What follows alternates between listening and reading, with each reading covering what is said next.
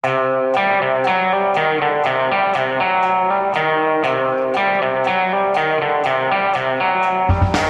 et portforbud være et totalitært overgrep mot den norske befolkningen?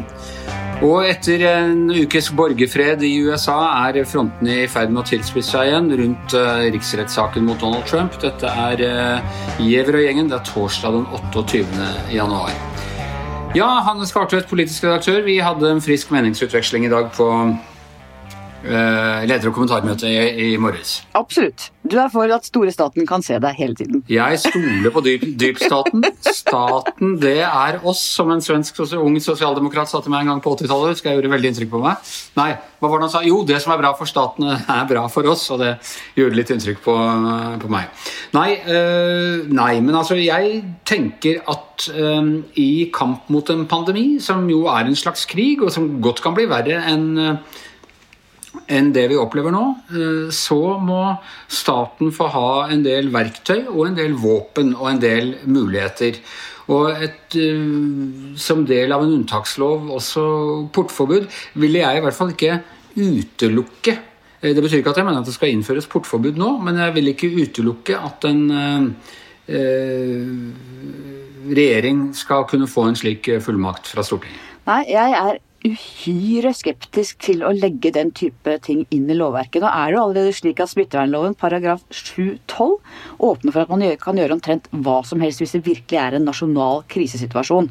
Så at det som en redd nødrettsbetraktning kunne man kanskje sett for seg hvis vi virkelig kom dit, som ingen egentlig tror at vi gjør, så kunne man kanskje som en sånn nødretts greie gjort det da i en situasjon hvor det ville vært også stor forståelse for det. Men det å, å, legge det inn som en mulighet i lovverket, at man skal kunne ha portforbud i Norge, det mener jeg også kan på en måte undergrave den tilliten som ligger der òg. For det, en av grunnene til at vi ligger så godt på tallene nå, er jo nettopp at vi har den tilliten i bånn som gjør at vi stoler på myndighetene og gjør som de sier. Men hvordan ligger dette an i lovverket nå? Altså, regjeringen har mulighet til å innføre unntakstilstand? Unntakslover? Ja, og Smittevernloven er kanskje en av de mest eh, inngripende lovene vi har. Det ligger enorme fullmakter i smittevernloven, naturlig nok. For det er klart at som vi har sett når vi møter med en pandemi, så skjer ting veldig fort. Eh, endringene skjer over natta, og det er utrolig alvorlige konsekvenser av det som skjer. Så smittevernloven er nok, så langt jeg vet, den loven i Norge som har størst fullmakter til å gjøre helt, egentlig helt uhørte ting overfor landets innbyggere. Men Om det ble krig og vi ble angrepet og bombet og sånne ting, da vil du ha lov til å innføre portforbud da, eller er det ikke mulighet for det nå i lovverket? Jo, og siste, man har jo ikke hatt portforbud i Norge siden slutten av, eller siden andre verdenskrig. Nei, det har ikke vært nødvendig. Nei, men mitt poeng er at du har i prinsippet, hvis vi først skulle komme så langt ut å kjøre, så ligger den muligheten allerede i lovverket. Men det å begynne å legge inn det i lovverket nå, mener jeg det, det vil være Det er så inngripende at, jeg, at du må jeg, jeg, jeg skjønner ikke hva som er forskjellen. Altså, enten så har de rett til å gjøre det nå hvis situasjonen blir ille nok, eller så har de ikke det. Hvorfor er det da eh, behov for å oppgradere lovverket eller tilpasse lovverket? Så tror jeg ikke at vi kommer i den, Det er ingen som kan tenke seg at vi kommer i den situasjonen. Men jeg mener at du gir myndighetene veldig veldig stort rom, og kanskje også flytte terskelen for når de kan gjøre det, hvis du først har lagt det inn som en mulighet. Men, da på en måte... Ja.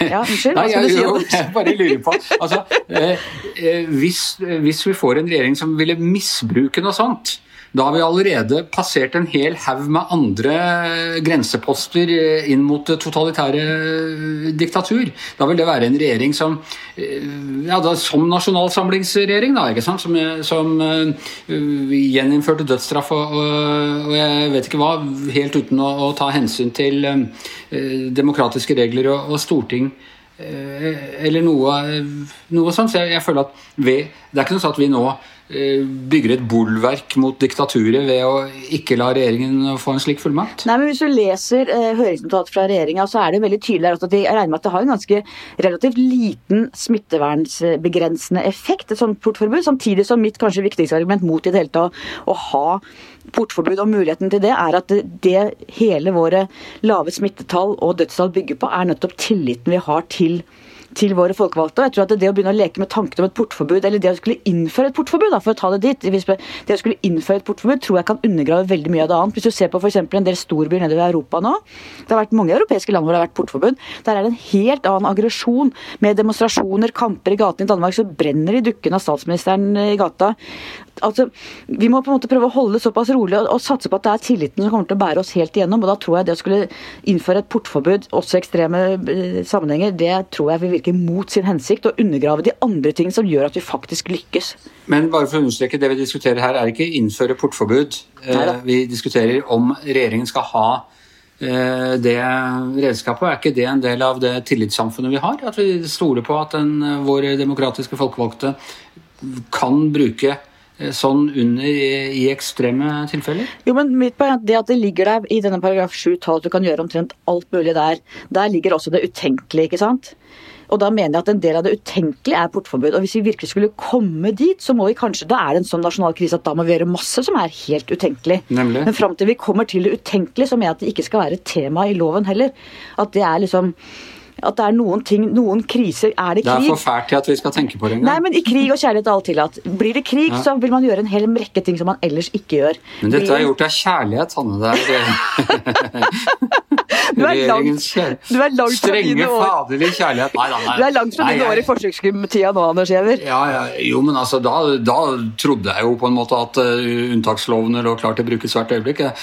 Egentlig litt overraskende for meg at ikke regjeringen har hatt disse fullmaktene allerede. Det er kanskje fordi jeg, min gamle frikebakgrunn som har gjort meg mer uh, mistenkelig innstilt. Ja, liksom, Forsøkskonspirasjonstenkninga. Ja, ja, nemlig. Ja, ja men uh, ja.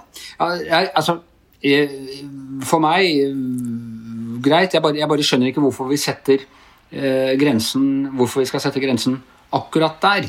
Fordi det er det mest inngripende. Tenk på Grunnlovens paragraf 36. Du skal ikke kunne fengsles uten etter dom. Det å pålegge, det å pålegge en nasjon portforbud er egentlig å putte oss alle i fengsel. Det er klart at det er Ja, ja. Det er, så, det er liksom det er det et helt annet sted enn alle de andre smitte, smitteverntiltakene, Anders. Jo. Det er ikke, ikke å sette i fengsel, nei. Det er å begrense en veldig sterk inngripen i bevegelsesfriheten vår, som man allerede har grepet ganske sterkt inn i med, med de tiltakene uh, man har nå. Så det er, en, det er liksom ekstremversjonen av det. Men det er, ikke, det er ikke å sette folk i fengsel. det er det ikke. Jeg vil si det Hvis du pålegger folk å holde seg inne, det er en soningsform. det At du får sone hjemme med fotlenke og greier. Eh, Her er det sikkert ikke lagt inn fotlenker, men eh, like men skulle ant at det skulle endt opp der at du ble den Hjelms gate 3-anarkisten, og jeg Og jeg sitter her og forsvarer det litt eh, konservative sosialdemokratiet. Det er autoritære. Ja, ja. Det er autoritære, okay. Anders. Du, du skriver leder om dette? Ja, jeg skriver leder om dette. Ja. Så får vi se på lederplass i morgen hvem det er som er sjefen av Hanne Skartveit og meg. Eh, vi skal til et annet land hvor, de, eh, hvor det tidvis også har vært eh, unntakslover i forskjellige tilfeller, hvor de hadde et forsøk på, på statskupp helt nylig. Jeg følte litt at etter at Biden ble innsatt for en uke siden, eh, Hanne, så kom det liksom nyheter at nå ville flere republikanere vurderte nå kanskje riksrett og eh, i hvert fall å finne en måte å liksom eh, Sanksjoner mot eh, Donald Trump etter at han oppfordret til denne stormingen av, eh, av Kongressen. og sånn. Tonen er en litt annen nå en uke seinere. Ja, og det er vel kanskje ikke så overraskende heller, men vi må huske at de, det de har sagt, er at de ikke ønsket å behandle den ut fra sånn hva som var innenfor konstitusjonen og mulig. For det, mange av de sier jo også at eh, de har ikke bestemt seg for hva de vil stemme etter at saken er gjennomført. De sier de vil vurdere som jurymedlemmer, som jo er det de er i en riksrettssak, så vil de vurdere bevisene når de blir lagt fram for dem. Så det er jo ikke sikkert at de, stemmer, at de samme fem stemmer for fellelse, eller at de som stemte mot å behandle saken, stemmer for frikjennelse. Det vet vi jo ikke, men det er klart at det er dårlig tegn for eh, demokratene og for at eh, Trump skal bli dømt. Og, og det det da altså helt konkret går på, er jo da altså det er, det, er, vel en helt reell uenighet. Ingen president har vært stilt for eh, riksrett etter at han gikk av. Så det er om Grunnloven egentlig åpner for det, og da har du all den derre det der å tolke den amerikanske grunnloven, det er jo, det er jo teologi, får jeg av og til eh, inntrykk av. At det, det er juss som teologi. At det liksom hvem som har den rette tolkningen av Jesu bergpreken, eh, på en måte. Ja, og så forholder de seg til grunnloven sin på en helt annen måte enn vi gjør. og De bruker den stadig vekk i en rekke sammenhenger. Det er som du sier, det er nesten som, eh, som Bibelen og nesten teologiske eh, tolkninger.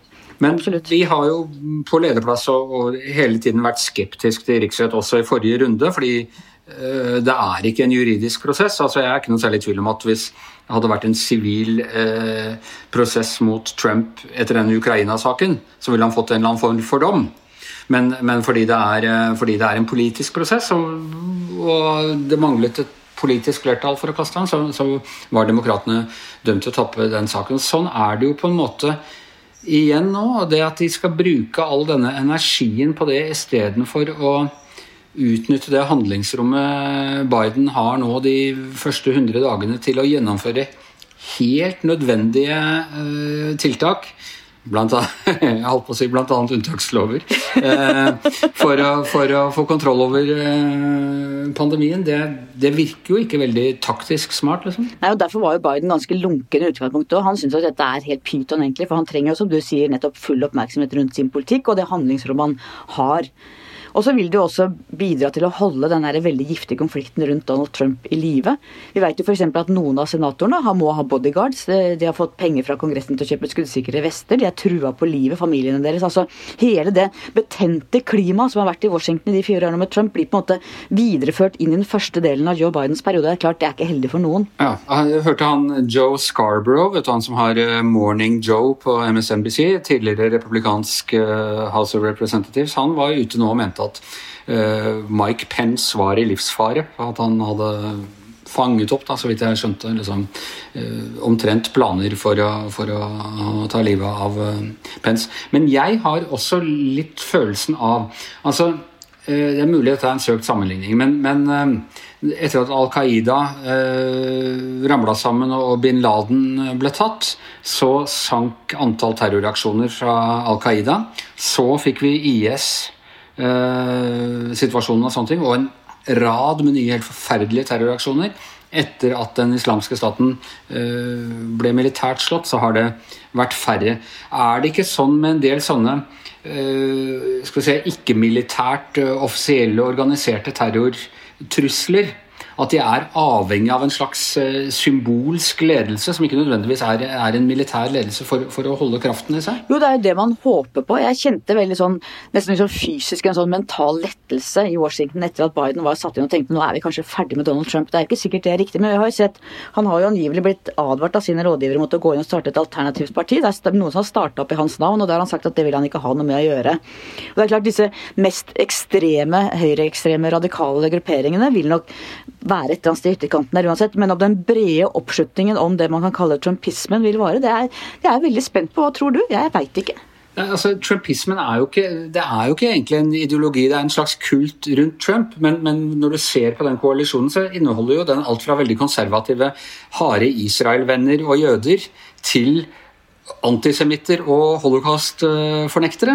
Eh, det er klart at det er ikke folk som setter seg ned og, og, og samarbeider om en politisk plattform eh, etterpå. Så, så, jeg tenker at de elementene vil alltid være der, og de har for så vidt alltid vært der. og Både du og jeg har reist rundt i USA og snakket med uh, relativt ekstreme militiafolk og sånne ting. Men de fikk ikke noen ordentlig kraft før Trump på en måte begynte å, å, å dobbeltsnakke til dem som president. Ja, og De sier også at det at Trump nettopp både var så ego, han var ikke noe god på å bygge allianser, og at han var så ekstremt sjølopptatt at han har ikke bygget noe ideologi. Ideologien hans var på en måte han.